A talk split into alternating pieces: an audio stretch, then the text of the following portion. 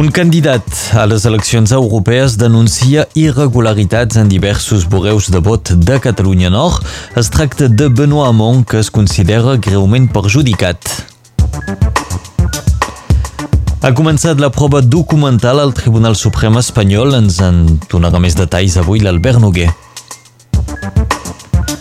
A l'estat francès, una mare de família denuncia avui l'estat per les malalties que pateix per culpa de la pol·lució.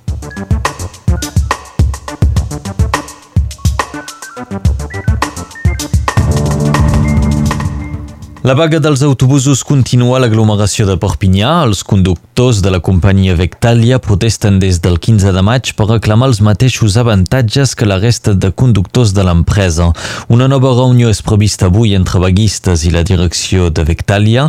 Durant tot el dia s'esperen forces pertorbacions. Per saber quines línies són afectades podeu telefonar al 0800 800 370 0800 800 370.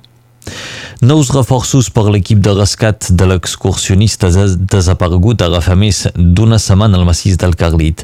Una quinzena de CRS de muntanya i de gendarmeria d'alta muntanya són mobilitzats cada dia, reben el suport de dos helicòpters de gossos dels CRS de muntanya i també de treballadors de les estacions d'esquí del sector. Les recerques s'intensifiquen al Carlit, a la vall de Portepimoren o encara del costat del pic de Pedrós. Després de les eleccions europees, Benoît Hamon de la llista Generació S denuncia que en alguns bureus de vot de Catalunya Nord no hi va haver cap butlleta de la seva candidatura. El candidat considera que es tracta d'un perjudici greu i reclama explicacions. En efecte, almenys tres bureus de vot no, es va, no van tenir cap papereta de Benoît Hamon en, això va passar doncs, del banc de Taltaúi, també va ser el cas a Sant Andreu o en un borreu de vot de Perpinyà on les bulletes no van arribar fins a mitja jornada. La prefectura parla d'alguns problemes aïllats. El moviment Generació S estudia presentar un recurs davant del Consell d'Estat. La Cort d'Apel·lació de Montpellier decidirà avui quin ha de ser el futur de la companyia de manteniment aeronàutic perpinyanesa New EAS. Al gener, la justícia va validar l'oferta de represa del grup Sabena.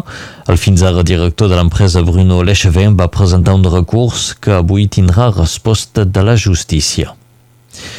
El judici contra el procés va començar ahir, la primera fase de la prova documental, al curs de la qual es presentaran els vídeos que el president del Tribunal Espanyol, Manuel Marchena, no va voler que es veiessin al moment on compareixien els testimonis. Albert Noguer. De fet, ahir encara no es va entrar de ple en aquesta fase de la prova documental, ja que la jornada va servir perquè totes les parts enumerin els documents que volen presentar al tribunal.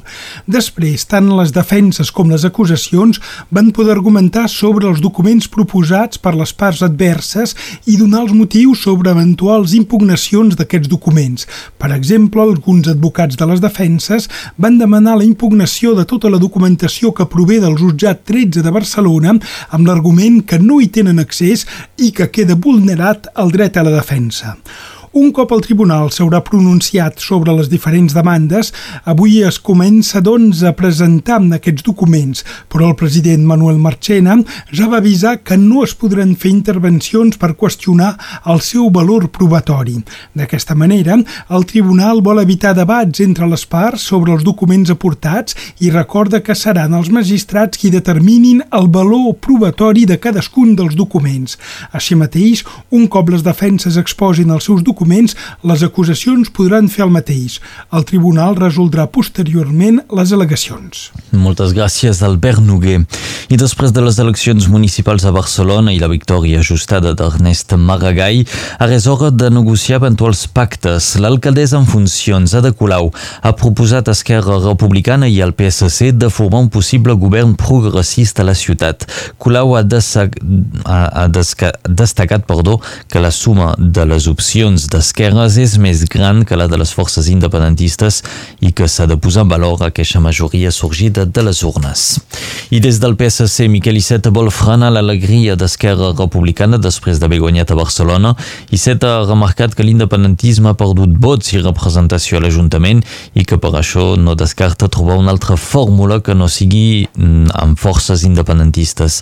La suma de regidors independentistes ha passat de 18 a 15 que sumen actualment Esquerra Republicana i Junts per Catalunya després d'aquestes eleccions. Els CDRs han publicat un manifest molt crític amb el govern efectiu de la Generalitat. Acusen el govern de perseguir un diàleg i un referèndum pactat que no arribarà mai.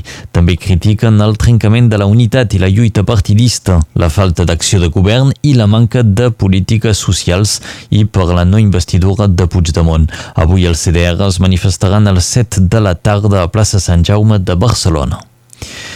A l'estat francès, audiència inèdita avui al Tribunal Administratiu de Montreuil a la Sena Saint-Denis. Una mare víctima de la pol·lució denuncia l'estat francès per la seva responsabilitat en la seva malaltia i reclama 160.000 euros de reparació. La dona de 52 anys va desenvolupar malalties pulmonars, així com també la seva filla. Totes dues vivien prop del perifèric de París. Mare i filla van haver de deixar de viure a l'Ia de França i avui demanen reparació.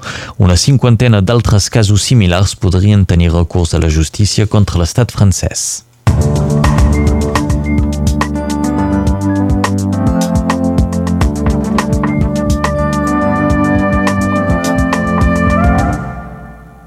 Passem a la previsió del temps que ens presenta la Laura Bertran.